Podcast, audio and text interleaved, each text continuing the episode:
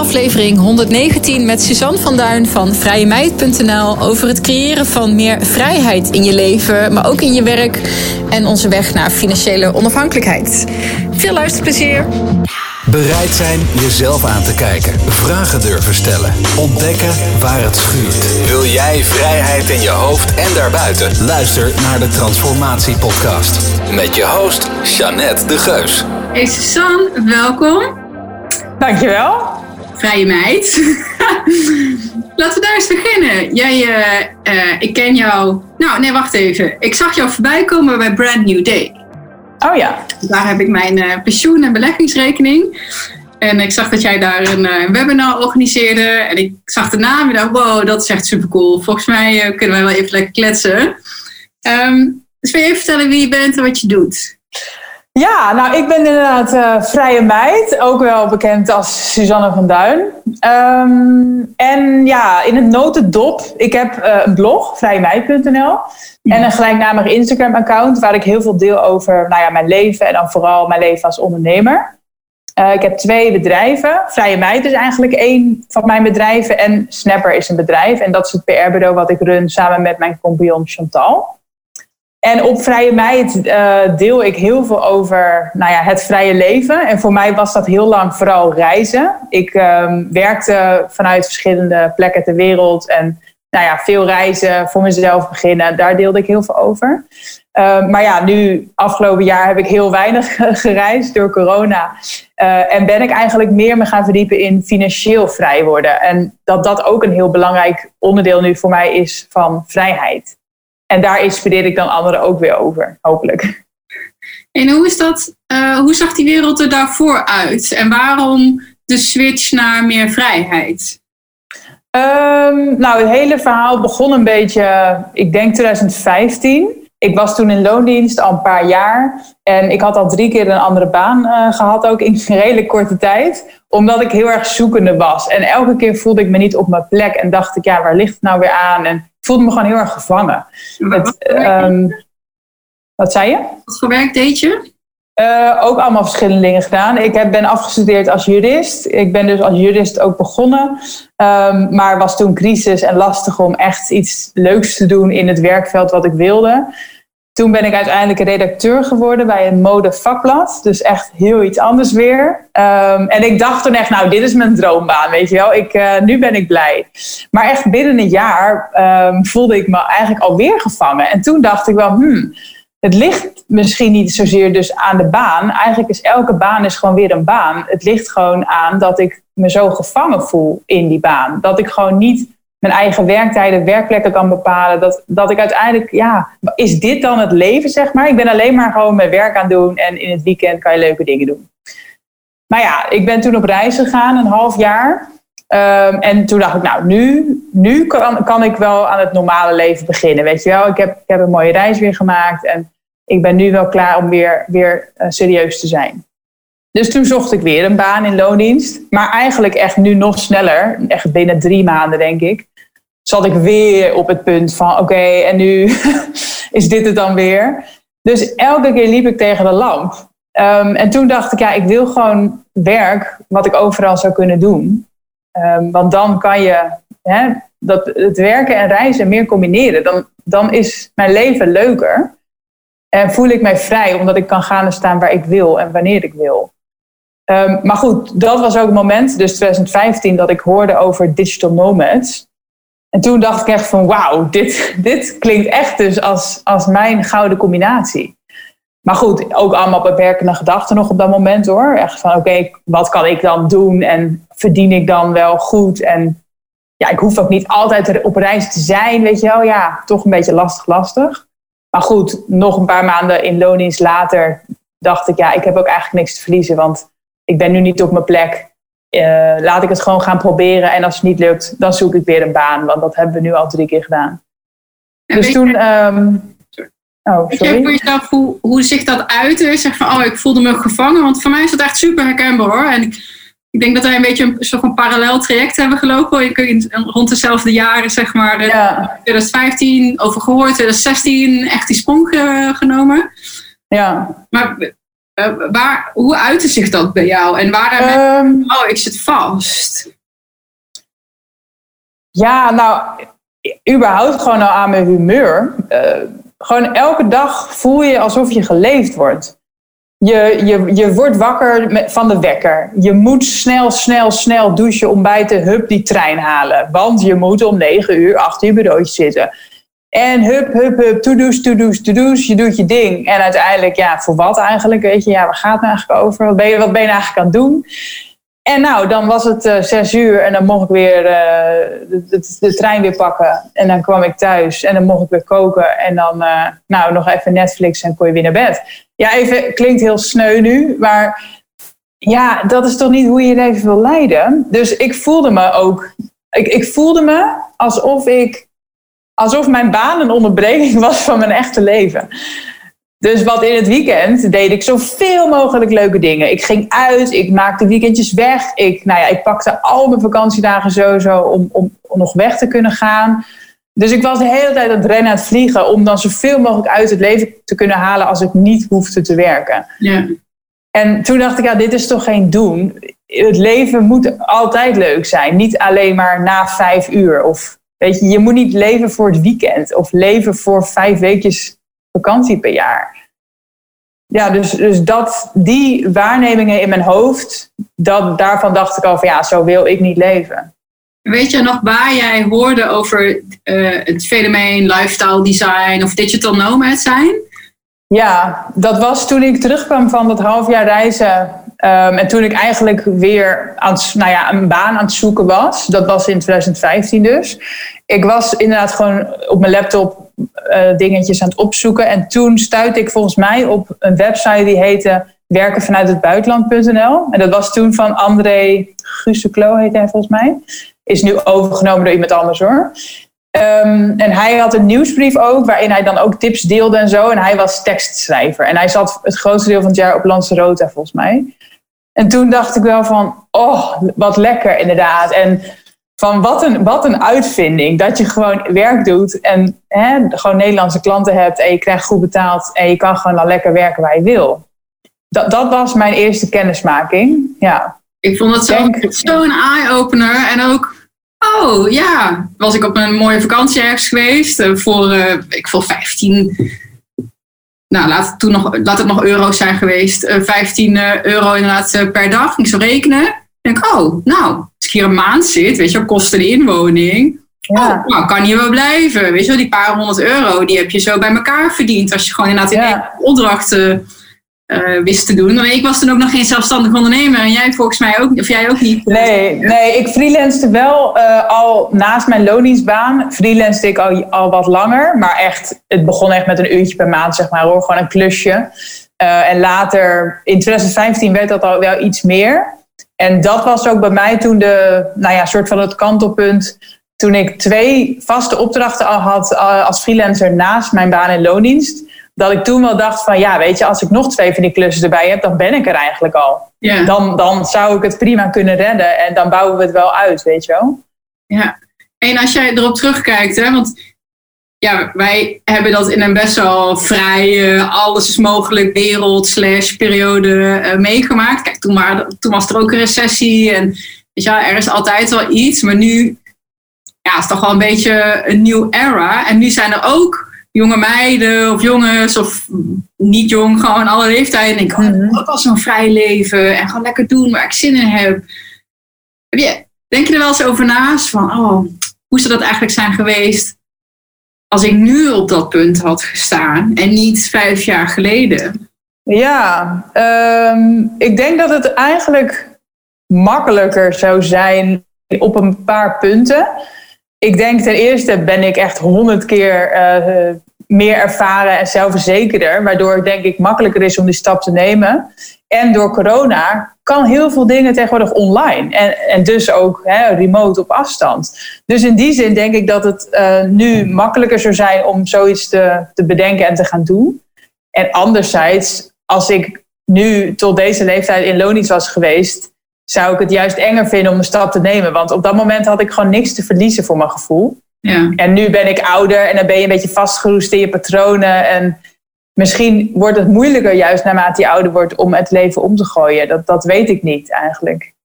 Ja. En ja, corona uh, maakt dingen mogelijk, hè, online en zo. Maar ja, qua reizen is het natuurlijk allemaal nu juist lastig. Dus het hele reizen was voor mij een argument om juist voor mezelf te beginnen, zodat ik hè, vrij was om te kunnen reizen. En dat is nu ja, niet echt een hoofdargument, denk ik, op dit moment. Of tenminste, ja, dan is het meer een lange termijn argument. En hoe, hoe hoorde je dat in het begin? Want er is ergens zo'n punt dat je nog geen lonies bent, je hebt die reis, je hebt een droom, misschien nog wel wat spaargeld. Ik had geen spaargeld, zelfs een schuld, dat het nog veel lastiger maakte. Maar misschien dat mensen luisteren die zeggen, nou, ik heb misschien wel wat, ik heb wel wat gebufferd. Maar ik kan niet, je kan niet in één keer helemaal om. Hoe heb jij jezelf daaruit losgekeuterd? Ja. ja, die vraag krijg ik ook altijd. um, maar, maar het is een beetje een kip of het ei verhaal. Want als jij nooit ervoor gaat, dan ga je ook nooit genoeg verdienen. Want, en als je altijd wacht totdat je genoeg verdient, dan kan je eeuwig wachten. Dus er moet inderdaad een soort van punt komen. Um, en bij mij was wel echt, uh, denk ik, de, ja, de, de, de trick dat ik vier dagen in de week werkte. Ik werkte negen keer, of is het vier keer negen, zeg maar, 36 uur. Dus ik had een hele dag in de week om iets voor mezelf op te bouwen. En in één dag in de week en af en toe nog een avondje of zo, kan je best wel iets opbouwen, weet je wel. Dus op, op een gegeven moment had ik, uh, nou ik zeg maar wat hoor, uh, zes of zeven uur betaald werk per week.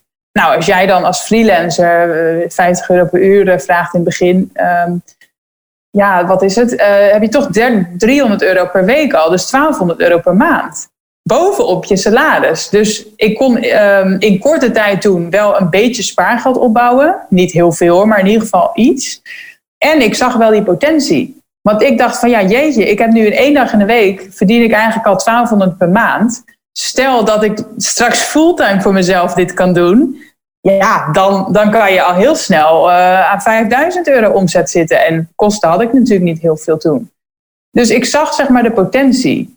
Um, en toen ik mijn baan heb opgezegd, was november 2015. En mijn contract zou dan aflopen in januari 2016 vanaf toen ben ik het ook echt van de, van de daken gaan schreeuwen van oké jongens, ik begin voor mezelf. En nou ja, ik, ik ben voor alles beschikbaar, zeg maar. En ook gewoon op alles ja gaan zeggen. Om maar zo snel mogelijk rond te kunnen komen. En ik merkte ook toen ik dus dat eenmaal ging delen met mensen, dat het heel hard ging. En toen ik ook opeens fulltime de tijd had om ook klussen te zoeken, dat ik ook heel snel klussen vond. Ja. En zoveel heb je ook niet nodig hè, in het begin om rond te komen. Als jij na twee dagen betaald werk hebt, ja, dan uh, zit je al zo op 2500 euro omzet. Ja, dat vond ik toen uh, veel geld. Ja, is het ook. Ja, het ligt een beetje aan natuurlijk wat je situatie is. Uh, ja. je woont en of je iemand naast je hebt, dat je het alleen moet doen. Um, ja, ik had ook geen, geen, hoge last hoor. En ik had ook geen kinderen of weet je, ja, ik bedoel, ik had, ik had en heb niet mega veel nodig. Denk je dat het kan als je kinderen hebt of um, nou ja, laten daar. Denk je dat het kan? Ja, zeker. Ja. Ik ken gelukkig zoveel inspirerende ondernemers en ook locatie-onafhankelijke ondernemers met kinderen, zelfs twee of drie kinderen, die ook de hele wereld rondreizen. Dus en ik, ben, ik heb zelf ook heel veel gereisd. En dan ontmoet je ook allemaal van dat soort vrije geesten, ook met kinderen. En dan zie je van, oh ja, het kan makkelijk. Ja. Dus dat, uh, dat hou ik altijd wel in mijn achterhoofd. Van ja, alles kan. Um, ja, je moet gewoon net wat aanpassingen doen waarschijnlijk. Ja, en ik hoorde je net ook al het woord uh, beperkende overtuiging uh, noemen. Ik denk van, oh, het kan niet als je kinderen hebt. Dat is natuurlijk ook daar een hele mooie... Ja, dan, dan wil je het gewoon niet. hoe, is daar, hoe kijk jij er tegenaan? Wat, wat is de rol van mindset voor jou geweest? Of kan je misschien uh, jouw allergrootste valkuil, maar ook misschien slash leermoment daarin met ons delen? Um, ja, ik denk dat achteraf gezien dat mindset echt 90% eh, is geweest. Maar dat wist ik eigenlijk tot voor kort niet. Um, mindset was voor mij um, lang geleden, ik kende dat woord zeg maar amper. Ik was nooit bezig met mindset. Ik was ook nooit bezig met, met persoonlijke ontwikkeling of zo. Ik, of in ieder geval niet bewust. Dus ik heb er geen aandacht aan besteed. Maar achteraf gezien weet ik dat ik een hele sterke mindset heb en ook toen al had. En dat dat mij ook heeft geholpen om zo snel stappen te zetten en in het diepe te springen. Um, maar pas toen ik, toen ik achteraf dus merkte van, oh ja, ik, ik heb inderdaad een sterke mindset. En dat heeft me eigenlijk ook zo geholpen toen viel ook het kwartje van, oh, maar dat is ook waarom andere mensen dit niet doen. Omdat zij blijkbaar niet een sterke mindset hebben of, hè, te veel beperkende gedachten en daarin blijven hangen. Dus nu, um, nou ja, inmiddels heb ik ook nou, honderden mensen eigenlijk ook wel geholpen met een cursus of een workshop of één op één. Nou ja, ook met deze reis, zeg maar. En ik zie ook bij anderen dat het ook 9 van de 10 keer is het mindset. Ja. Het is bijna nooit van, hè, um, hoe kan ik een klant vinden? Nou ja, zo en zo en zo. Maar het is bijna altijd dat het in je hoofd, ja, maar ja, ik ben niet goed genoeg. En wat, wat, wie betaalt nou dit? En, en, en ik moet dan zichtbaar zijn. En, oh, oh. Ik vind het toch wel lastig hoor, persoonlijk ook. En ook uh, de ondernemers die ik ken en die we ook vanuit Telface uh, helpen.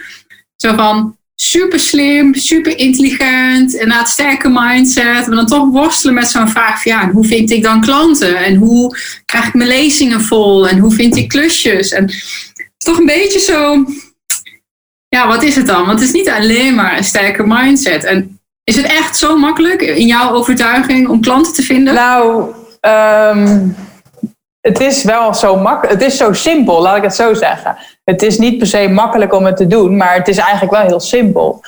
Ehm, dus op zich, hè, wat ik zeg, mindset, ik denk dat mindset heel belangrijk is. Dus zo simpel is het. Maar je moet het alsnog wel doen.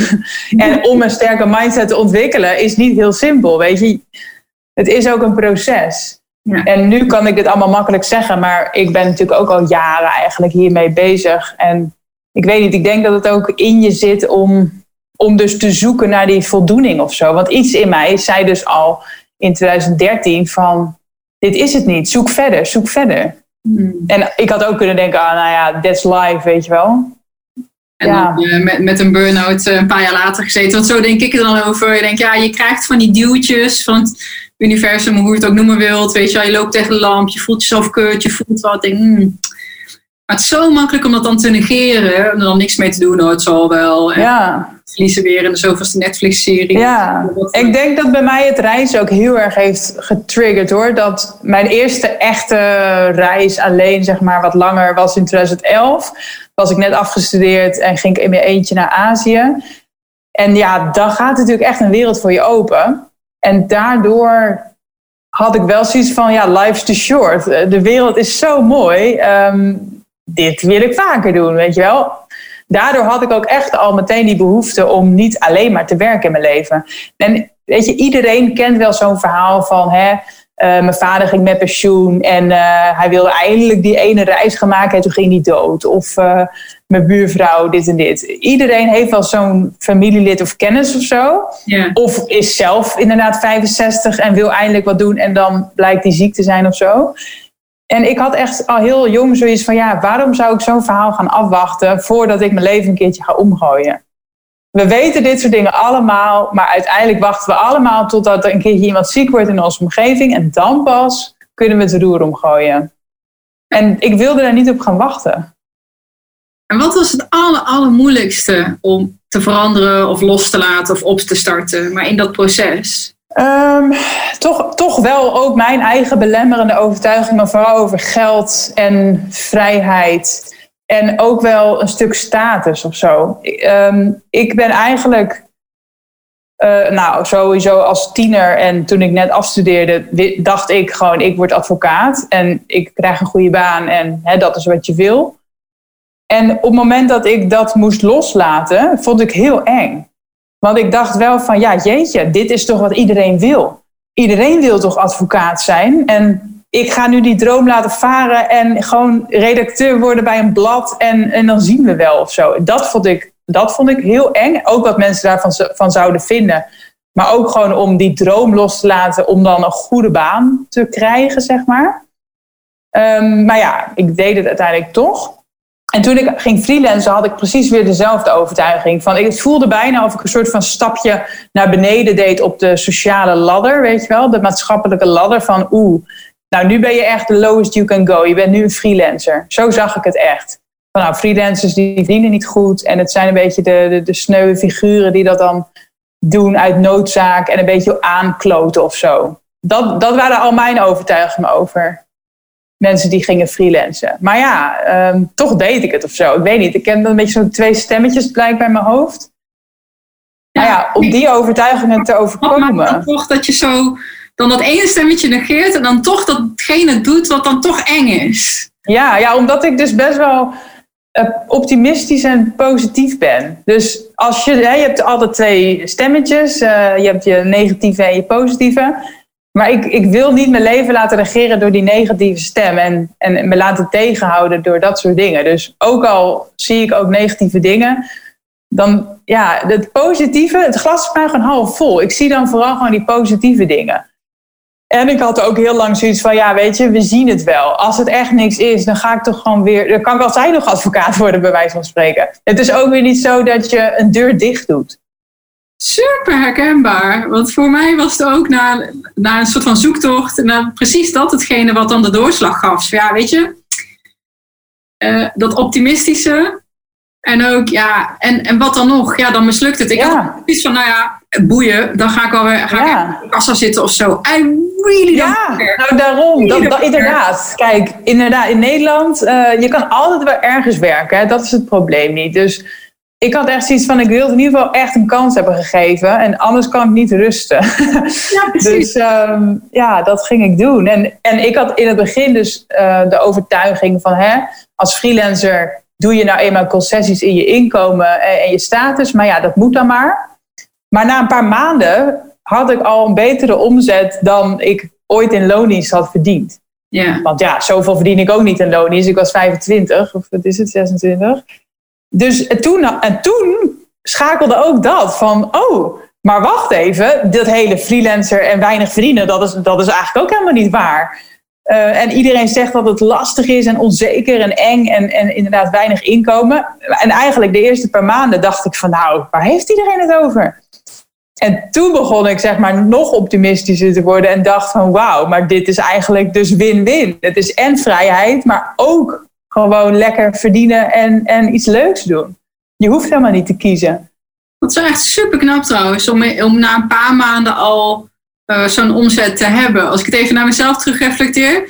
Ik weet dat ik na twee jaar kei, keihard doorbikkelen met een vriendinnetje uh, van me. Hadden we Love Fit Food over voeding en training en mindset. Uiteindelijk ook twee kookboeken gemaakt. Hartstikke helemaal top.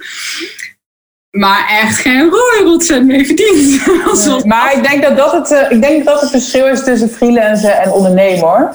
Want als freelancer, ja, je, je kan letterlijk morgen je eerste klus hebben, je stuurt je factuur en je hebt inkomen. Maar als je echt iets voor jezelf opzet, zoals jij dan deed in het begin al, ja, dat heeft gewoon een langere aanloop nodig. En daar betaalt niemand je meteen voor je uren. Nee, nee. Dus dat, die switch heb ik later gemaakt, ja. Zelfs bij 12 heeft nu, ik denk dat ik de eerste 2,5 jaar ook niet betaald heb gekregen. Maar meer is van, nee, ja, ik maak mezelf gewoon onmisbaar. En ik zet me in en dat gaat zich later terugzien. Het is een soort van vooruit investeren in het bedrijf wat je meebouwt. Ja. En nu betaal nou, precies. terug. Maar in het begin Inderdaad. niet. Nee, ik, heb ook, ik verdien nu ook alleen nog geld met mijn eigen dingen. Dus ik doe ook geen freelance klussen meer. Maar dat, ja, ik ben nu ook bijna vijf jaar nu voor mezelf. Dus ja, dat heeft ook wel even geduurd voordat dat al allemaal kon. En voordat ik überhaupt dat zag dat dat dan een optie was en dat weer gerealiseerd had. Ja, en ik zag ook wat interviews. De, uh, volgens mij, ik weet niet precies hoeveel dames er zijn geïnterviewd, maar zij verdient een ton. Uh, en zij verdient een miljoen en zij verdient een ton per maand. Uh, jij, jij, mocht ook, jij staat ook in dat rijtje, als, als ik me niet vergis. bijna. of ik zag in ieder geval de blogpost die je deed, waarin je die waarin ja. je, besprak.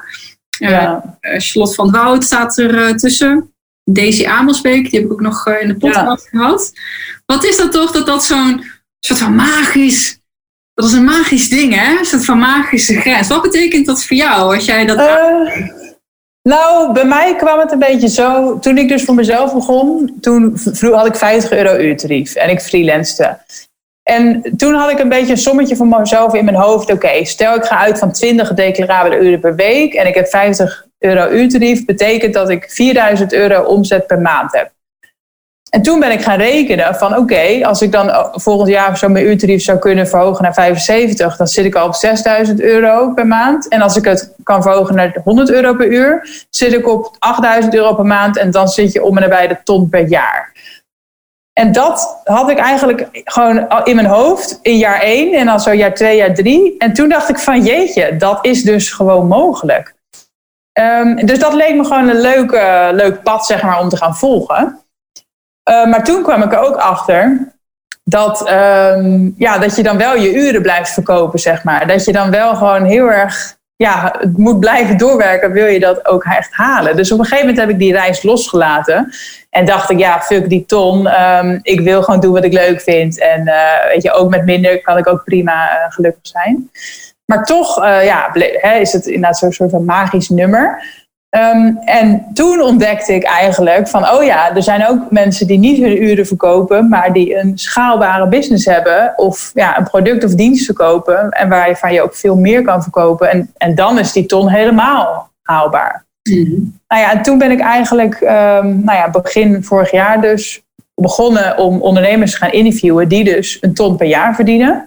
Maar wel met het idee om te kijken op welke manieren het dus allemaal mogelijk is. Want ik kende tot voor alleen de uurtje-factuurtje manier.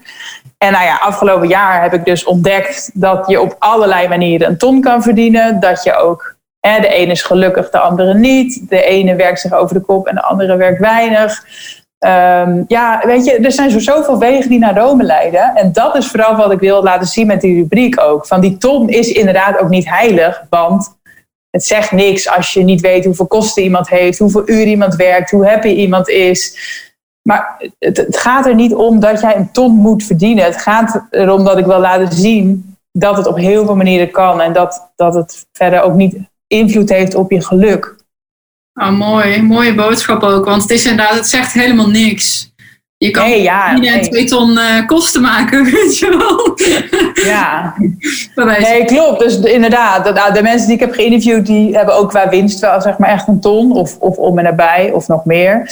Uh, dat is ook wel, hè, ik wilde wel ja, succesvolle mensen interviewen, ook om mezelf weer te laten groeien. En uh, dat heeft ook zeker, uh, dat is ook zeker gelukt.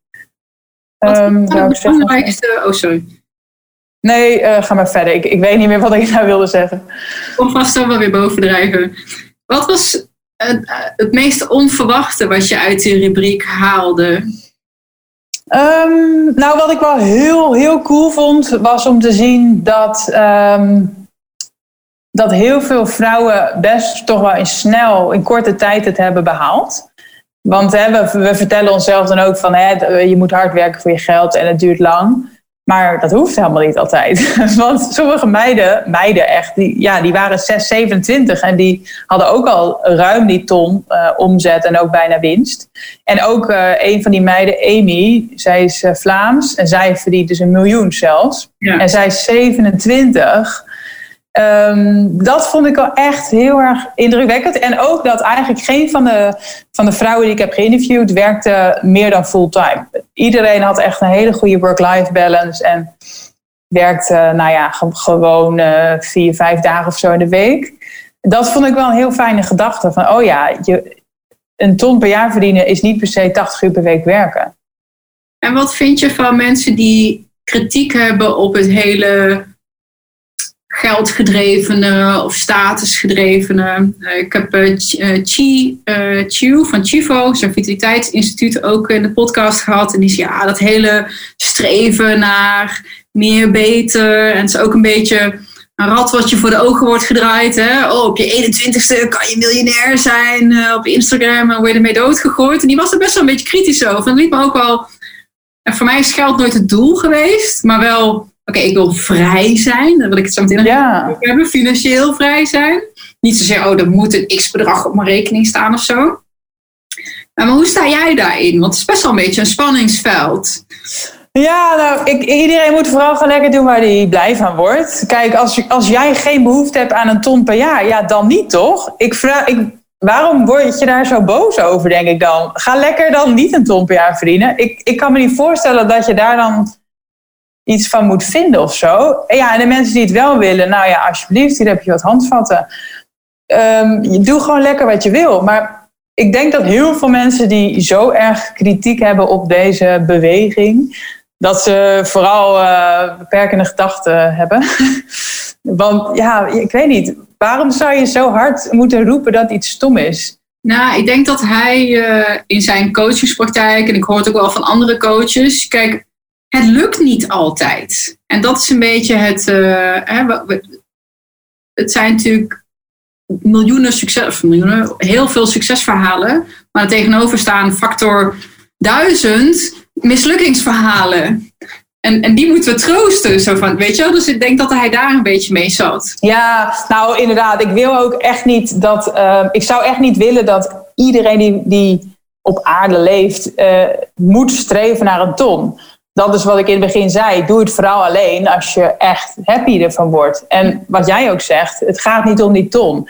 Een ton motiveert mij niet. Het, het motiveert mij wat ik met die ton kan doen en wat voor vrijheid het me oplevert. En daarom nou ja, moet je intrinsieke motivatie hebben om dit te willen en ook te laten slagen.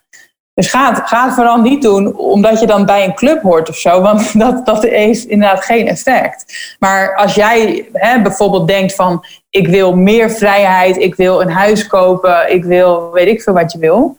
En daar zou die ton handig voor zijn, ja, dan heb je een doel en een ton is het middel. En je bedrijf is weer het middel om die ton uh, te verdienen. Ja, en um,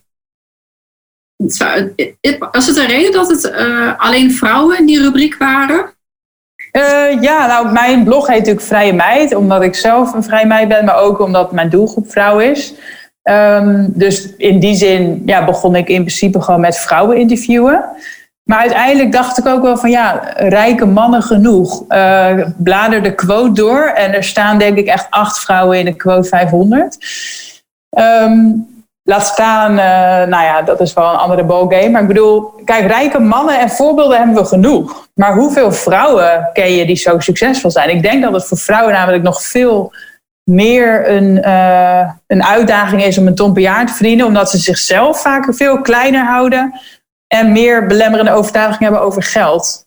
En ook andersom, ze hebben minder rolmodellen. Dus nou ja, in, in die zin leek het me ook leuk om juist vrouwen te interviewen, om vrouwen een podium te bieden. Maar ook weer om rolmodellen te creëren voor vrouwen die wel ook een ton willen verdienen. Ja, heel mooi. En wordt ons misschien ook wat minder ingegeven in onze opvoeding. Wij zijn, ik weet eigenlijk niet precies hoe oud je bent, maar volgens mij zijn we ongeveer... Uh, 32. Oh, nee, ik ben gewoon tien jaar ouder. Oh, jee. oh. Acht. Maar ik, en het werd mij gewoon echt gezegd als klein meisje zijn van luister Jeanette. Ik werd daar gewoon bij mijn papa geroepen van ja luister Jeanette. Arme ouders kan je niks aan doen. Arme schoonouders, daar ben je zelf bij. Echt als een soort van levensles. En niet één keer, maar gewoon meer. Dat, dat was ook echt gewoon het ding. Zo van, nou ja, dan uh, zoek je maar gewoon een rijke vent. Uh, ja. ja, alsof dat de enige optie is als vrouw om rijk te worden. Ja, maar echt niet. Ja. Nee, dat vind ik ook wel, uh, wel erg inderdaad. Daar zou ik wel graag iets aan willen doen. En dat, dat ja, nee, ik, ik denk inderdaad dat vrouwen daar zeker nog veel meer te leren hebben dan uh, mannen. Ja, het was ook, als ik kijk naar mijn eigen pad richting die financiële vrijheid ook. Um, het was ook echt belangrijk voor me. Ik denk, ja, ik wil inderdaad ook wel wat moois. En ik wil dat niet. Ik heb een keer een huis gekocht, verbouwd met een vriendje. En toen ging het uit. En toen wilde hij ook een deel van de overwaarde hebben. Terwijl ik al vijf jaar in dat huis woonde. Hij net heel kort. Nou, heel gedoe. Um, maar dat stukje zelfstandigheid en op eigen benen kunnen staan. En ook gewoon niemand nodig hebben. Dat was echt super belangrijk voor me. Ja, voor mij ook. Dat heb ik ook echt al vanaf jongs af aan in me. Ja. En wat is uh, financiële vrijheid. Hoe heb je dat aangepakt? Uh, nou, ik ben nog niet financieel vrij, laat dat even duidelijk zijn. Uh, maar dat is zeker wel ook een reis waar ik heen wil, of waar ik mee bezig ben eigenlijk. Um, kijk, in eerste instantie was begin 2019 was een beetje voor mij de, de transitie dat ik dacht: oké, ik ben klaar met het uurtje factuurtje freelancen. Ik wil echt gewoon ondernemer zijn met echt mijn eigen producten en diensten en iets wat ook doordraait zonder dat ik de hele tijd aan het werk hoef te zijn. Um, en dan zit je al heel snel te denken richting een schaalbare business. En uh, dat biedt natuurlijk financieel ook meer kansen. Is sky is the limit vaak. Um, en wat ook speelde is dat ik een huis wilde gaan kopen. En dat dan ook gekeken wordt naar wat je verdient. En nou ja, dat was, dat was ook. Ik verdiende altijd gewoon prima hoor. Maar niet echt heel erg lekker. Ehm, en ja, dat is toch wel handig als je een huis wil kopen, want het is allemaal rete duur. Dus voor mij was dat wel een trigger dat ik dacht van ja, dit moet gewoon nu echt anders. Uh, en toen ben ik meer gaan denken, ja, hoe kan ik nou meer gaan verdienen inderdaad? Andere verdienmodellen en inderdaad, nou ja, mindset groeien. En nou ja, toen ben ik een beetje op de hele financiële vrijheidsreis gekomen. En kijk, in, in, principe betekent het voor mij in ieder geval dat ik genoeg verdien zodat ik leuke dingen kan doen en dat ik me niet belemmerd voel door geld. Dus dat ik, nou ja, alles kan doen waar ik zin in heb. Maar technisch gezien zou ik zeggen, financiële vrijheid, dat je genoeg vermogen hebt of passief inkomen, waardoor je je vaste lasten eigenlijk altijd al kan dekken. Ehm, heb je daar, is daar een, ehm, een formule of een, of een standaard voor? Soms hoor ik, oh, je moet zes maanden buffer hebben. Soms hoor ik drie jaar. Het, gaat een beetje... Ehm, nou, ik heb, wel eens, ik heb wel eens een formule gehoord dat je inderdaad een vermogen moet hebben waarvan je dan van 4% zou kunnen leven, omdat de Belastingdienst ook uitgaat van 4% fictief rendement. Dus je moet eigenlijk gewoon kijken, oké, met hoeveel geld per, per maand zou jij kunnen rondkomen? Wat zijn zeg maar jouw, hè, wat is jouw levensstandaard? Of wat wil je als levensstandaard? En dat je dan gaat terugrekenen, oké, als dat, als mijn vaste lasten worden betaald door 4% van mijn rendement, hoe groot moet dat vermogen dan zijn? Maar het kan ook zijn dat je een passief inkomen hebt van ter hoogte van jouw vaste lasten. En dan hoef je niet eens per se dat vermogen te hebben. Ja. Maar ja, in die zin ben je dus al best wel snel financieel vrij als jij niet al te hoge levensstandaard hebt, maar wel flink passief inkomen hebt en, en of een vermogen. Maar je hoeft, ook, je hoeft niet een miljoen daarvoor te hebben per se. Nee, dat, dat merkte ik bij mezelf ook in die beginfase. Er zit dan ergens zo, en ik denk ook wel omdat je ouders dat dan heel vaak zeggen, zo van, uh, dat iets is duur, weet je wel? En dat wordt, oh, dat is echt dat is te veel, dat is te duur. Uh, en dat zit dan in je hoofd. Maar ik was nog nooit echt gaan zitten, zo van, oké, ik had inderdaad ook zo'n droom. Ik wilde ook veel reizen en eigenlijk veel vakantie. Ik dacht, ik ga gewoon werken, maar dan wil ik een baan waar ik vier keer per jaar een maand weg kan. Dat was een beetje zo de tussenoplossing. En, en ja, dat is echt heel duur, kan echt niet. Nee, nee, wacht eens even, wat kost nou een maand reizen? En dan maak je dat keer een reis en dan weet je wat dat kost. En ik, nou, dit was budget. Als ik dat iets chiquer wil doen, en dan ga je dat uitrekenen en denk je, oh, maar dat is eigenlijk best wel te overzien. Um, dus dat was echt voor mij een hele belangrijke stap om het gewoon echt daadwerkelijk gewoon een getalletje aan te plakken. En dan ja. ik, valt ik best wel mee. En, dat, en dan ga je naar die, en hoe krijg ik dat geld dan? Um, ja, we maken het ook niet echt concreet voor onszelf vaak. Hè? Of we houden het juist vaag en daardoor denken van, oh, het kan niet. Dat is net als met die ton. Ik bedoel, ja, als je gewoon het gaat terugrekenen van nou, uh, 100 uh, cursussen van uh, eh, 100 euro, of weet ik veel. Uh, je ma maakt het gewoon concreet en dan wordt het op een gegeven moment best behapbaar. Net als met dat hele reizen. Ja, als jij zoveel keer per jaar wil reizen, nou reken maar uit wat je nodig hebt. En maak maar plannen om er te komen. Maar dat doen mensen vaak niet. Ze, ze dromen wel, maar ja, als je het nooit concreet maakt, dan gebeurt het niet vanzelf. Ja, super belangrijk. Echt een hele grote les ook voor mij. Dat stukje van, oh leuk, van, van de dagdroom en de fantasie. En dan de belemmerende overtuiging, oh dat is veel te duur, dat kan ik niet en dat durf ik niet en dat is eng. Nou, oh, maar dat is eigenlijk duizend euro. Oh, weet je wel? En dan gaat het heel langzaam en dan wordt het ook steeds groter. En is dat bij jou ook, dat je langzaam aanmerkt, nou als dit kan, dan kan dit ook. En dan lukt dit misschien Ja, ook. zeker. Ja, want die ton per jaar, dat is echt al lang niet meer mijn doel. Mijn doel is veel groter inmiddels. Wat is het nu? Uh, nou, voor dit, dit jaar wil ik drie ton omzet halen. Um, en ja, de sky is the limit vooral. Kijk, voor, voor, nu, niet in elk jaar hoor. Kijk, ik geloof wel dat je in stapjes moet werken. Maar ja, ik weet zeker dat ik uh, ooit ook een miljoen zou kunnen verdienen. Ik weet nog niet hoe, maar ik weet dat het zou kunnen. En daar begint het mee. En je, ja, dat andere bedrijfje is een PR. En waar ik ook heel vaak op stuit, is een idee hebben en een wens en een droom hebben is één. Maar kunnen verkopen, dat wordt ook vaak of overgeslagen. En ik heb het echt jaren willen uitbesteden ook. Um, nee, ik wil iemand anders die de copywriting doet en die tekst op de website schrijft. En nooit iemand kunnen vinden die betaalbaar was. Want je wil en iemand die betaalbaar is en helemaal aan boord is en briljant is. Nou, dus ik ben het mezelf maar gaan leren en ik ben er nog lang niet. Maar Hoe zie jij dat? Want ik denk dat vooral dat stukje marketing en PR en copywriting en sales is wat zorgt dat, dat je ook echt dat kan gaan bereiken. Ja, ja zeker. Dat is super belangrijk. Ik denk um, dat, dat het daar ook heel vaak aan schort. Het is een beetje naast mindset, is dat denk ik de grootste hobbel voor mensen. dat ze heel... Ja, niet durven verkopen. Nee, en ze zitten heel erg ook op de inhoud van hè, ben ik wel goed genoeg en, en verkoop ik iets wat goed genoeg is. Maar ze vergeten om het echt te verkopen. En dan kan je product nog zo goed zijn, maar het verkoopt zichzelf niet. Ja. Dus um, ja, het is super belangrijk om, nou ja, geef het een naam, maar inderdaad zichtbaar te zijn, uh, te verkopen, sales te doen. Ja, om, om überhaupt de mensen te laten weten dat je er bent en wat je dan verkoopt en wat het oplevert. Heb je nog bepaalde boeken of, of trainingen gedaan die dat stuk mee hebben ontwikkeld? Want volgens mij een jurist of een advocaat een hele andere manier van schrijven dan het, het verkopen. Hoe is ja, dat? nou, nee, ik heb nooit um, een training of cursus hierin gevolgd. Maar het is iets wat me gelukkig van nature goed afgaat. Daarom ben ik denk ik ook toch deze kant op gerold. Um, ja, en, en aan de andere kant zie ik dus wel juist overeenkomsten met uh, juridische dingen. Kijk, het is een ander soort schrijven natuurlijk, maar het is heel veel schrijven. juristen zijn gewoon 100% taalkundig bezig.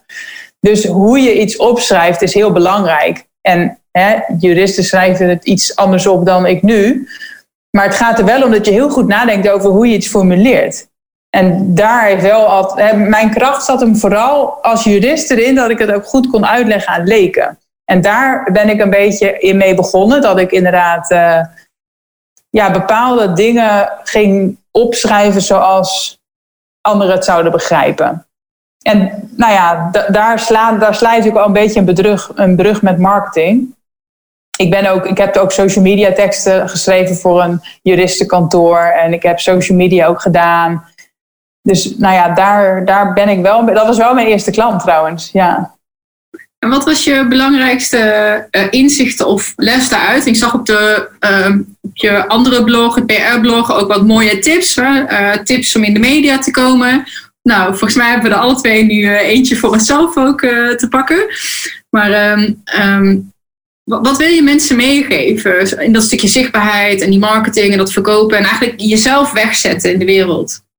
Uh, nou, ja, een beetje cliché nu, maar weer mindset ook. Het is, het is ook, bij, ook bij snappers zijn wij continu bezig om mensen die mindshift te laten maken. Want het grootste, de grootste hobbel wat mensen daar ook weer hebben, is weer dat ze zichzelf weer niet goed genoeg vinden om in de media te komen. En wie zit er op mij te wachten? En, en ik vind het eng om een journalist te gaan mailen. En dat zijn ook weer allemaal mindset dingen, want het, het is niet heel lastig. Het is vooral ook weer een kwestie van doen. Maar ze doen het niet door hun beperkte gedachten. En proactief, um, ik zou zeggen, een journalist mailen, er echt op, ja. naar op zoek gaan. Nou, eh, inderdaad. En er zijn heus wel ook gewoon theoretische to-do's. Ik bedoel, onze cursus is één grote theoretische to-do. Maar het, het, beginstuk is mindset. Je moet wel eerst het ook gaan durven. En dan moet je ook weten hoe het moet. En nou ja, daar, daar kan ik ook bij helpen, zeg maar. Maar ja, het is heel, een heel groot deel is het ook doen. En ook weer die taal weer. Het is echt ook weer hierin, hoe schrijf je iets op? Het is heel erg die nuances opzoeken bij PR. Hoe, hoe, hoe noem je iets? Hoe, hoe schrijf je iemand aan? Hoe schrijf je een persbericht? Ja, dat zijn soms hele kleine dingetjes die het verschil maken. Kijk je veel naar wat anderen in het veld doen daarbij? Nee, nee, nooit. Ik heb eigenlijk me nog nooit uh, vergeleken met een ander PR-bureau of een andere PR-adviseur. Um, ja, ik ben niet zo concurrentiegedreven, zeg maar. Ook omdat er sowieso meer dan genoeg markt is voor echt meerdere PR-bureaus. Ja, PR is natuurlijk een heel oud vak, dus ik vind ook niet het wiel opnieuw uit. Ik heb wel redelijk iets vooruitstrevends neergezet, vind ik zelf, met mijn compagnon. Doordat we anderen ook leren hoe het moet. Mhm. Want de meeste PR-bureaus die, hè, die nemen het uit handen. Dus die nemen het hele PR over zeg maar, van een bedrijf. En wij leren ook bedrijven hoe het moet. Dus wij hebben inderdaad workshops gedaan. We hebben een e-course. We begeleiden ondernemers ook die het zelf willen leren. En dat, dat was wel redelijk nieuw volgens mij toen wij dat uh, deden. En we hebben ook een uh, no cure no pay uh, constructie, omdat wij echt resultaat willen geven. En niet een soort van, hé, hey, je betaalt onze uren En fingers crossed dat het lukt. Nee, Weet je, daar, daar, daar heb ik zelf ook een hekel aan als ik iemand inhuur. Ja, en zelf ook best wel wat vervelende ervaringen ook meegemaakt, want het leren ja. heel snel. ja. um, wat voor soort mensen help je daarmee, of bedrijven? Zijn dat zelfstandig? Uh, ja, best wel uiteenlopend hoor. Het zijn zowel eenpitters als bedrijven met uh, tientallen uh, personeelsleden. Ik heb ook PR gedaan nog in een ver verleden voor een bedrijf met 500 medewerkers. Dus ja, ik, ik geloof er juist in dat iedereen, groot of klein, kan in de media komen. En dat is ook wat wij pretenderen, zeg maar. Anders zouden we ook niet een cursus kunnen maken en het kunnen verkopen van hé, jij kan het leren. Ja. Het is eigenlijk inderdaad een bepaalde denkwijze en een bepaalde methode. En het leukste vind ik om, nou ja, toch wel ondernemers te helpen. Omdat je dan heel dichtbij bij de ondernemer staat. En ik geloof ook heel erg dat PR verbonden is met personen. Het gaat vooral vaak over je verhaal nou ja, weer je marketing, zeg maar. Ik bedoel, mensen willen lezen over je verhaal en over je expertise en kennisdeling. In plaats van ze willen lezen over een product of dienst. Ja. Hey, en de financiële vrijheid hebben we kort even aangestipt. Um, beleggen en pensioen nog niet. Nou, ik zit zelf bij uh, Brand New Day. Ik heb toevallig uh, even naar mijn jaarafsluiting uh, gekeken. Ik zit nog niet zo heel lang. Ik leg ehm, elke maand 150 euro in een pensioenrekening en 150 euro in een belegrekening. Dus 300 euro per maand. Nou, dat zou de, de oude Jeanette van vroeger zou echt hebben gedacht... Hoe kan je 300 euro de maand sparen? Want ik kon alles behalve sparen als klein meisje zijnde. En, en ik zag nu ook... Ik, denk dat ik eens even nog wilde gaan kijken. Nou, oké, bepaal je dat zelf? Volg je dan zo'n protocol? Of in ieder geval zo'n eh, template die ze dan hebben. Hoe pak jij dat aan? Beleg jij? Hoe pak je je pensioen aan? Hoe doe je dat? Um, ja, ik ben vooral, ik ben begonnen met beleggen ook in 2020. Uh, vooral om het door het zelf te doen, uh, omdat je dan minder kosten betaalt. En zo lastig is het ook weer niet. Dus ik uh, ben vooral gewoon zelf een beleggingsrekening gaan openen bij ING, waar ik al zit. en heb gewoon ja, wat ETF's gekocht eigenlijk. Dus ja, dat doe ik nu elke maand. Dus elke maand koop ik voor iets van 100 euro koop ik een ETF bij of meerdere. Uh, dus dat is op dit moment een beetje. Wat zei je? Wat is een ETF? Een Exchange Traded Fund, volgens mij. Het is een soort van ja, tracker die een bepaalde index volgt, waardoor je heel veel spreiding hebt. En waardoor je nou ja, minder risico dus loopt uh, en hopelijk dus ook een beter rendement. En ik heb wat boeken ook gelezen over beleggen begin vorig jaar. Onder andere ook van Tony Robbins en van Janneke Willemsen. En ja, eigenlijk iedereen die een beetje hoort over lange termijn beleggen of überhaupt over beleggen, doe het voor de lange termijn en zorg voor spreiding. En als jij inderdaad een paar van die ETF's hebt uh, en je laat het zo lang mogelijk staan, dan uh, komt het wel goed. Dus dat is eigenlijk ook mijn uh, strategie nu. Um, maar daarnaast heb ik ook een pensioenbeleggingsrekening, ook bij Brand New Day. En dan vooral voor het fiscale voordeel. Dus uh, nou ja, de mensen die dat niet weten, inderdaad, je kan elk jaar bepaalde ruimte reserveren voor je pensioen. En dat kan je van je belastbaar inkomen aftrekken, waardoor je minder ID-belasting betaalt. Dus dat is vooral de reden dat ik dat heb gedaan. En ik vind ook een stok achter de deur dat je in principe niet daarbij kan komen tot je pensioen. Maar ik wil niet mijn hele pensioen op zo'n rekening. Want ik wil namelijk eerder met pensioen dan mijn pensioengerechtigde leeftijd. En dan zou ik er niet bij kunnen komen of een boete moeten betalen. Dus ik werd wat dat betreft op meerdere paarden. Ik wil ook vastgoed. Ik, wil, ik heb mijn bedrijf, passief inkomen. Ik wil beleggen op meerdere rekeningen. Dus dan uh, heb ik overal zeg maar wel mijn uh, potjes. Ja, uh, je zegt ook, ik wil vastgoed. Ik zit zelf ook een beetje in zo'n fase dat ik wil gaan kopen maar ook uh, als, als een belegging. Waar zit jij naar te kijken? Wat, uh, wat uh, ja, ik heb, net, ehm, ik heb net vorige maand een huis gekocht met mijn vriend. Dus dat, dat is even nu first things first. maar ik denk volgend jaar dat ik wel inderdaad een tweede huis zou willen kopen voor de verhuur. En dan denk ik aan een appartement. Um, maar ja, ik heb me daar totaal nog niet in verdiept hoor. Ik weet dat ik het wil, maar ik heb totaal nog niet verdiept over wat ik dan precies ga doen en hoe. Ja. Maar ik weet dat het er gaat komen een keertje. Ja. grappig. Ik zit naar uh, recreatiewoningen of, uh, nou eigenlijk niet naar recreatiewoningen, maar naar bouwkavels te kijken. Waar je recreatiewoningen en je hebt zulke mooie alla tiny house van die oh, ja. omgebouwde zeecontainers. Echt super chic, maar wel duurzaam en minimalistisch. Ja. Een kleine footprint. Ja, grappig. Nou ja, het is natuurlijk wel de, de toekomst inderdaad. En ik denk dat het überhaupt altijd een slimme investering is om een stuk grond te kopen of om vastgoed te kopen of ja. iets van onroerend goed, ja.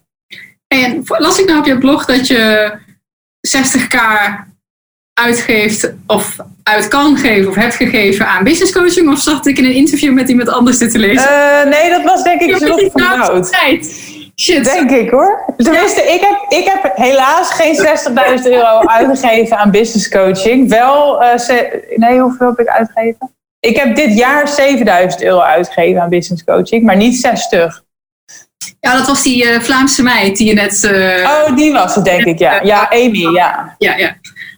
Nou ja, maar 7k is ook veel. Um, ik vind het zelf nog best wel lastig, ondanks dat wij ook coachingsproducten verkopen. Um, hoe is dat voor jou? Wat, wat, je helpt ook zelf mensen. Wat is het belang daarvan om zelf dan toch nog gecoacht te worden? Um, nou, ik, ben, ik heb eerder een coach in de hand genomen dan dat ik zelf ben gaan coachen. Um, en als ik, zelf, als ik zelf zou coachen, maar ik had zelf nooit een coach gehad, dan vind ik het een beetje alsof ik er niet echt in geloof, zeg maar. Um, maar goed, ik heb een coach in de hand genomen omdat ik niet per se qua mindset, maar ook wel qua commitment en wel nog net qua kennis een stukje miste om echt snel uh, stappen te ondernemen. Ja. Um, dus ik ben vorig jaar april met een coach gestart rondom de lancering van mijn Digital Nomad e-course. En toen heb ik vooral een rekensommetje gemaakt van wat kost die coach mij, maar wat zou het me opleveren als ik door of door of met haar zeg maar die cursus succesvol kan lanceren en voortaan doorlopend kan verkopen nou ja, dat was de investering waard. Uh, ik heb ook dat minstens twee keer terugverdiend. Dus, dus toen dacht ik, oké, nu geloof ik erin, zeg maar. En als ik op deze voet voor, door kan gaan, dan verleng ik gewoon dat coach-traject. Dus dat heb ik ook gedaan. En met haar ben ik toen de tweede periode gaan kijken, oké, hoe kan ik die cursus nu maandelijks een keer of twintig wel blijven verkopen, zodat ik inderdaad nou, toch een soort passief inkomen eigenlijk uh, binnenhark al met die cursus. En dat is ook gelukt. En heb ik haar ook eigenlijk weer twee keer terugverdiend. Dus nu ja, zit ik helemaal op het goede spoor. En denk, ja, je leert er gewoon zoveel van over jezelf, over business. Ja, je hebt ook een commitment. Ik weet het niet. Ik, ik ben overtuigd. Ja, nee, ik snap het. Maar, ja, het belangrijkste is denk ik gewoon om, om te kijken van wat levert het je op. En, en zou, je dit, zou je dit echt zelf ook kunnen doen in korte tijd? Vaak niet. Um, ik weet nog dat toen wij net die vanuit Love Fit Food met onze producten en ook een online uh, challenge hadden bedacht, dat ik heel erg struggelde met, ja, dat lukt me misschien één keer, of dan heb je één keer dat je de tien verkoopt.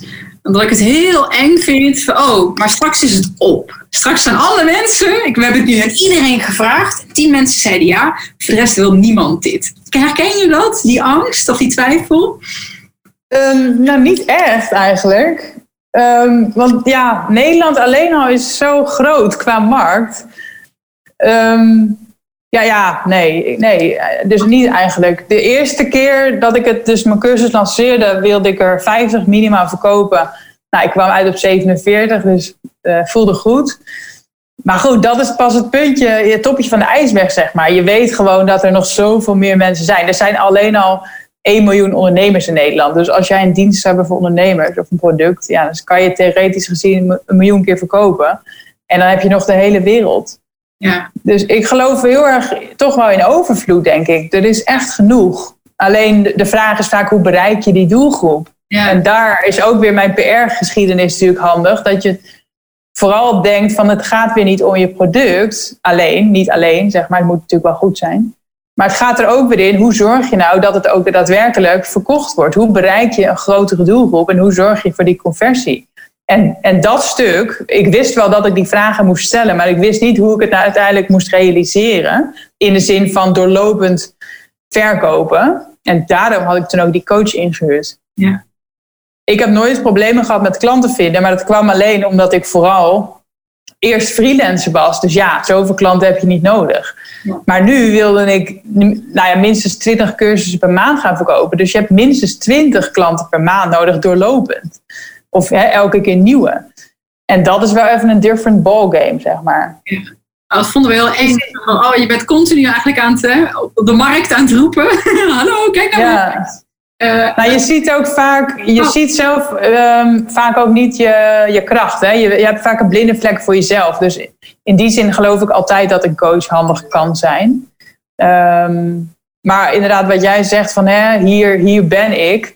Eigenlijk moet je niet zo denken. Want als je zo denkt, dan denk je blijkbaar dat je onzin aan het verkopen bent. Of dat het om jou gaat. Het gaat niet om jou. Het gaat om je product en de waarde die het de klant oplevert. En als je daar oprecht in gelooft, kan je ook oprecht verkopen. En als jij denkt dat je schaamteloze zelfpromotie aan het doen bent en alleen maar over jezelf praat, dan geloof je er blijkbaar niet in. Dan denk je blijkbaar dat je de boel aan het oplichten bent. Dus dan ga je ook niet genoeg verkopen, denk ik. Nou, mooi, mooi dat je dat zegt. Klopt, dat was inderdaad uh, van die leer, zo'n leerproces waar je dan inderdaad uh, doorheen moet. En ik weet dat ik echt, dat moment dat ik me realiseerde, van maar, er is een soort van oneindige stroom aan mensen die, eh, op het internet, maar ook daarbuiten. En natuurlijk valt af en toe iets in jouw bakje, weet je wel. En ja, SEO is heel belangrijk dat, dat, dat het net wat je weeft eigenlijk, dat dat klopt. En dat het ook de juiste mensen aanspreekt. Maar ja, geen idee waarom dat zo lang moest duren. Dat ik dan echt dacht, ja, nou, we hebben nu toch wel iedereen gevraagd. ja, nou ja, je, het is ook gewoon een proces. Ja. Je, je komt weer verder en dan denk je opeens, oh ja, natuurlijk. Ja. Ja, dus ik, ik zou mezelf ook niks kwalijk nemen over bepaalde tijd die ik over iets heb gedaan. Want blijkbaar had ik die tijd nodig om hier te komen, weet je wel. hey, wat was je voor jou de allergrootste mislukking of flater? Of dat je zegt, oh. ja, dat, dat vind ik altijd een hele moeilijke vraag. Ook omdat ik misschien dus weer positief ben ingesteld. Dat ik eigenlijk zie ik ze dus gewoon niet. Ehm, want als, als er al zeg maar dingen fout gaan, dan brengt het je vaak verder. Want dat zijn je grootste leermomenten. Ehm, maar, maar eerlijk gezegd heb ik ook weer nooit zo'n grote fout gemaakt of zo. Kijk, ik kan wel zeggen van, oh, uh, ik had geen rechten moeten studeren of zo. Maar, maar ik weet niet of ik dan nog hier had gezeten. Ja. Dus ik vind het heel lastig om de geschiedenis uit te willen wissen of zo. Ehm, kijk, ik heb ook wel eens iets gelanceerd en dan kocht niemand of zo, weet je wel. Maar ja, is dat, ik, ik, ik hou me daar niet meer mee bezig. Ga je dan, ik vind het wel een mooi voorbeeld. Ga je dan of ben jij toen doorgegaan met dat product? Zo van, nou, dan moet het product beter, de lancering beter, dat je, dat je daar echt in vastbijt? Of had je toen zoiets van, oh, dit is het dan niet, ik probeer iets nieuws? Hoe mm, ja, meestal laat ik het dan los. Maar even inderdaad, bijvoorbeeld als voorbeeld, een paar jaar geleden had ik een blogworkshop uh, georganiseerd, of dat wilde ik dus gaan doen. En echt niemand kocht wat. Terwijl ik blog al jaren en ik denk echt wel dat ik daar iets over kan melden. Dus maar goed, uh, ja, blijkbaar was het op dat moment even niet uh, relevant of zo. I don't know. Maar toen dacht ik ook, ja, is dit iets waar ik echt mee door wil? Weet je wel? Nee, het was gewoon een soort van trial. Nou, dan niet. En bijvoorbeeld begin van dit jaar, of vorig jaar zeg maar, februari 2020, toen kondigde ik aan van nou, ik ga ook coachen.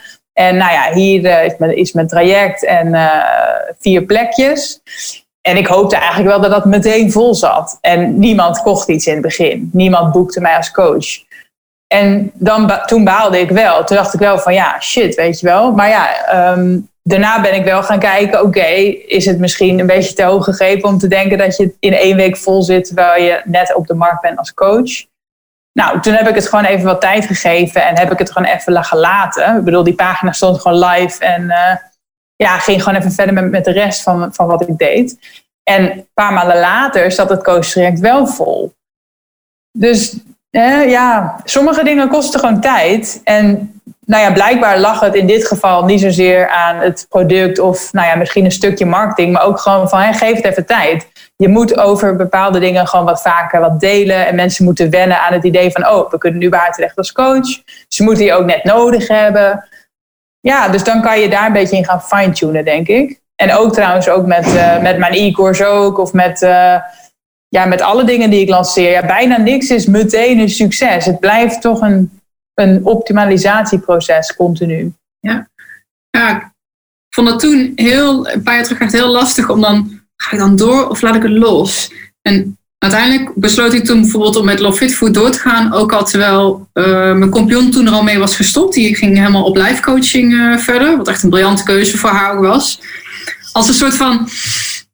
Ik wil snappen hoe dat hele internetmarketing... Hoe, want het voelt als een soort... Ah, ik zit er zo dichtbij, weet je wel? Als het ja. een puzzel is die je kan kraken. Dus dat meer uit een soort uh, eigen wijsheid of zo. En, denk, mm, er, en uiteindelijk is, dat, is het niet gelukt hoor, met dat uh, Middle of Fit Food. Maar was het prachtige leerschool voor alles wat daarna kwam. En er zit helemaal ja. over zoals nou, inderdaad, het is nooit verspilde moeite. Maar het is inderdaad wel een soort puzzel. Het is, je moet zien achterhalen van is het nou het product of is het inderdaad die marketing?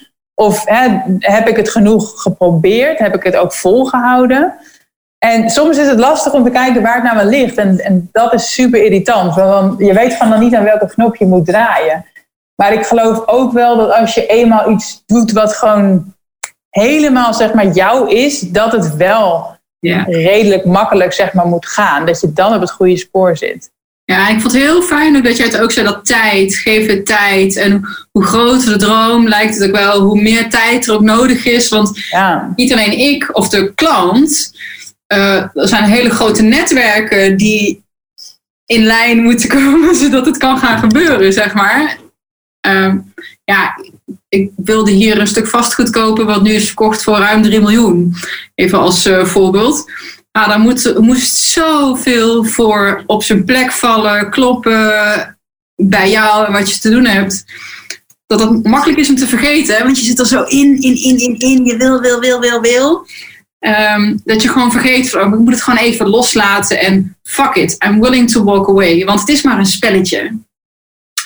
Uh, het, is gewoon, het moet leuk zijn om het te spelen, ongeacht wat de uitkomst is. Zo zie ik het. Ja, ja. Nou, zeker. Dat is ook wel echt iets wat ik uh, steeds meer besef. Van, tuurlijk, ik hou van doelen stellen. Hè? Niet alleen zo'n ton per jaar, maar inderdaad, ik heb honderd doelen. Maar uiteindelijk moet je ook het proces leuk vinden, anders hou je het ook niet vol. En dan is het ook zonde als je alleen maar blij kan zijn als je die doelen behaalt. Dat zei ik ook met die 50 cursussen verkopen in de lancering. Dat was mijn doel. Maar meer om mezelf uit te dagen om groot te denken van oké, hoe kan ik er 50 verkopen? En als ik er 47 verkoop, ben ik echt niet uh, boos of zo hoor. Dan ben ik nog steeds heel blij. Ja, precies. Ik denk als we gewoon dingen kunnen doen in het moment, waarvan je in het moment echt helemaal die voldoening en wat je zegt, van, hè, dat, dat je doet wat helemaal bij je klopt, dan maakt het eigenlijk ook bijna niet uit wat eruit komt. Maar het kan nee, kijk, ja. ja. Ik heb nog steeds ook vaak dat ik mezelf echt even weer hè, bij mezelf even weer uh, herinner van vijf jaar geleden zat jij nog gevangen en voelde je je nog helemaal last. En wie had gedacht dat je dan hier zou staan. En met kleine dingen van het ondernemerschap ben ik nog steeds blij. Dat je gewoon hè, niet meer naar die trein hoeft te halen. Dat je gewoon lekker een keertje een ochtendje thuis werkt als je geen zin hebt. Of gewoon vrij neemt. Of eerder stopt. Of ja, dat is toch heerlijk. Daar geniet ik echt nog steeds van. Geen wekker. Ah, ja. Ik ben zo ontzettend blij mee. Ja, en dat is echt vrijheid, toch? Gewoon dat je uiteindelijk je dag gewoon überhaupt al kan indelen zoals je dat wil. En, dat, en dat ik nu inderdaad een podcast zit te geven onder werktijd. Dat, dat, dit is nu mijn werk. Dat is toch fantastisch? Hey, uh, allerlaatste vraag. Uh, corona, veel mensen zitten thuis, blijven ook, uh, als ik de krant een beetje mag geloven, misschien wel tot de helft thuis werken ook vraag die wij heel veel krijgen vanuit 12 heeft, heeft te maken met de dagindeling. van oké, alles zit op de schop. Hoe ziet jouw dag eruit? Nou, eigenlijk hetzelfde als voor corona hoor. Ja, ik, ik word wakker en um, ja, ik haast niet inderdaad. Um, maar werk je vanuit huis bijvoorbeeld? Want je zit nu op... Um, ik, zit op, ja, ik heb een kantoor en dat heeft op zich wel mijn voorkeur. Maar als ik geen zin heb om de deur uit te gaan, blijf ik thuis. En nou ja, nu met de, zeg maar de, nu de lockdown er weer is, probeer ik wel iets meer weer thuis te werken. Maar ik merk ook voor mijn mentale gesteldheid en voor mijn productiviteit dat ik het toch wel fijner vind om ergens heen te gaan. En ik, ik heb mijn eigen kantoor, dus ik uh, ben ook niemand tot last, zeg maar. Ja. Dus het liefst ga ik dan naar kantoor. En dan uh, maak ik altijd een goede to-do-lijst. En ook een soort van tijdsindicatie erbij en prioriteiten. Dat ik echt heel scherp heb wat ik ga doen die dag en hoeveel tijd ik daarvoor heb. En alles komt dan ook altijd af van die lijst. En uh, ja, maar je moet er ook niet te veel op zetten. um, ja, ik weet niet. Ik heb niet een heel spannende dagindeling hoor. Uh, eigenlijk um, ja, heb ik redelijk gewoon weer een, een, uh, een, een, kantoorbaan voor mezelf gemaakt. Alleen is het wel mijn kantoorbaan en, en kies ik ervoor. Als ik een week vrij wil nemen, kan dat ook. Als ik een dag vrij wil nemen, kan het ook. En als ik weer op reis kan, dan doe ik het zeker. En even uh, om dan het cirkeltje rond te maken, waar we begonnen, het, het gevangen zitten in een soort van opgelegd, opgelegd dagritme of opgelegd leven bijna. Um, nu heb je in principe ook zo'nzelfde soort dag. Denk je dat je met de kennis die je nu hebt, dat mensen ook die vrijheid die jij nu ervaart, ook in een plek in loondienst kunnen ervaren? Uh, nou, voor mij in ieder geval niet. Want het gaat mij niet zozeer om, omdat ik nu weer van 9 tot 5 achter mijn laptop zit. Het gaat erom dat ik dat, ik dat toen moest en dat ik nu kies. Ja. En wat ik zeg, als ik een dag of een uur of een half uur vrij wil nemen, dan doe ik dat. Of als ik in Bali wil werken, dan doe ik dat. En die mogelijkheid, dat is voor mij vrijheid. En niet dat ik altijd mijn dag begin met Netflixen, daar gaat het me zeg maar niet om. Maar gewoon die opties, die keuzevrijheid. Of dat ik inderdaad, normaal gesproken zou ik dan ook s morgens lekker naar yoga gaan. En dan begin ik een keer om half elf. Nobody cares, weet je wel. Het gaat erom wat ik uiteindelijk presteer. En dat ik gewoon mijn rekeningen kan betalen en kan doen wat ik wil. En dat, nou ja, kan denk ik niet in loondienst. Ja, je hebt daar nooit zoveel flexibiliteit en verantwoordelijkheid ook. Ja, dat vind ik dus wel misschien wel een van de mooie dingen die het, thuiswerk door corona nu duidelijk maakt aan, aan de werkgeverskant. Want dat wij het willen, dat wisten we al. Anders waren we niet zo lekker eigenwijs en zeggen: fuck ja, ik ga gewoon lekker werken ja. doen. Um, dus ik ben wel benieuwd hoe dat uh, voor de generaties na ons, die misschien ja, nou, ervaren. Ja, precies. In die zin denk ik ook zeker dat corona dus meehelpt aan die hele remote beweging hoor. Ik denk dat, um, nou ja, dat werkgevers meer inzien van, oh ja, uiteindelijk kan je overal werken. Um, maar dat het ook een stuk controle loslaten is wat ze moeten leren. En ik denk dat heel veel werknemers ook wel moeten leren om dus die verantwoordelijkheid te hebben. En nou ja, ook wel kunnen, moeten kunnen omgaan met die vrijheid. Ja. En wij vinden dat heel leuk en fijn en wij gaan daar goed op. Maar heel veel mensen gaan er denk ik helemaal niet goed op. Dus je moet het ook niet allemaal per se willen, denk ik.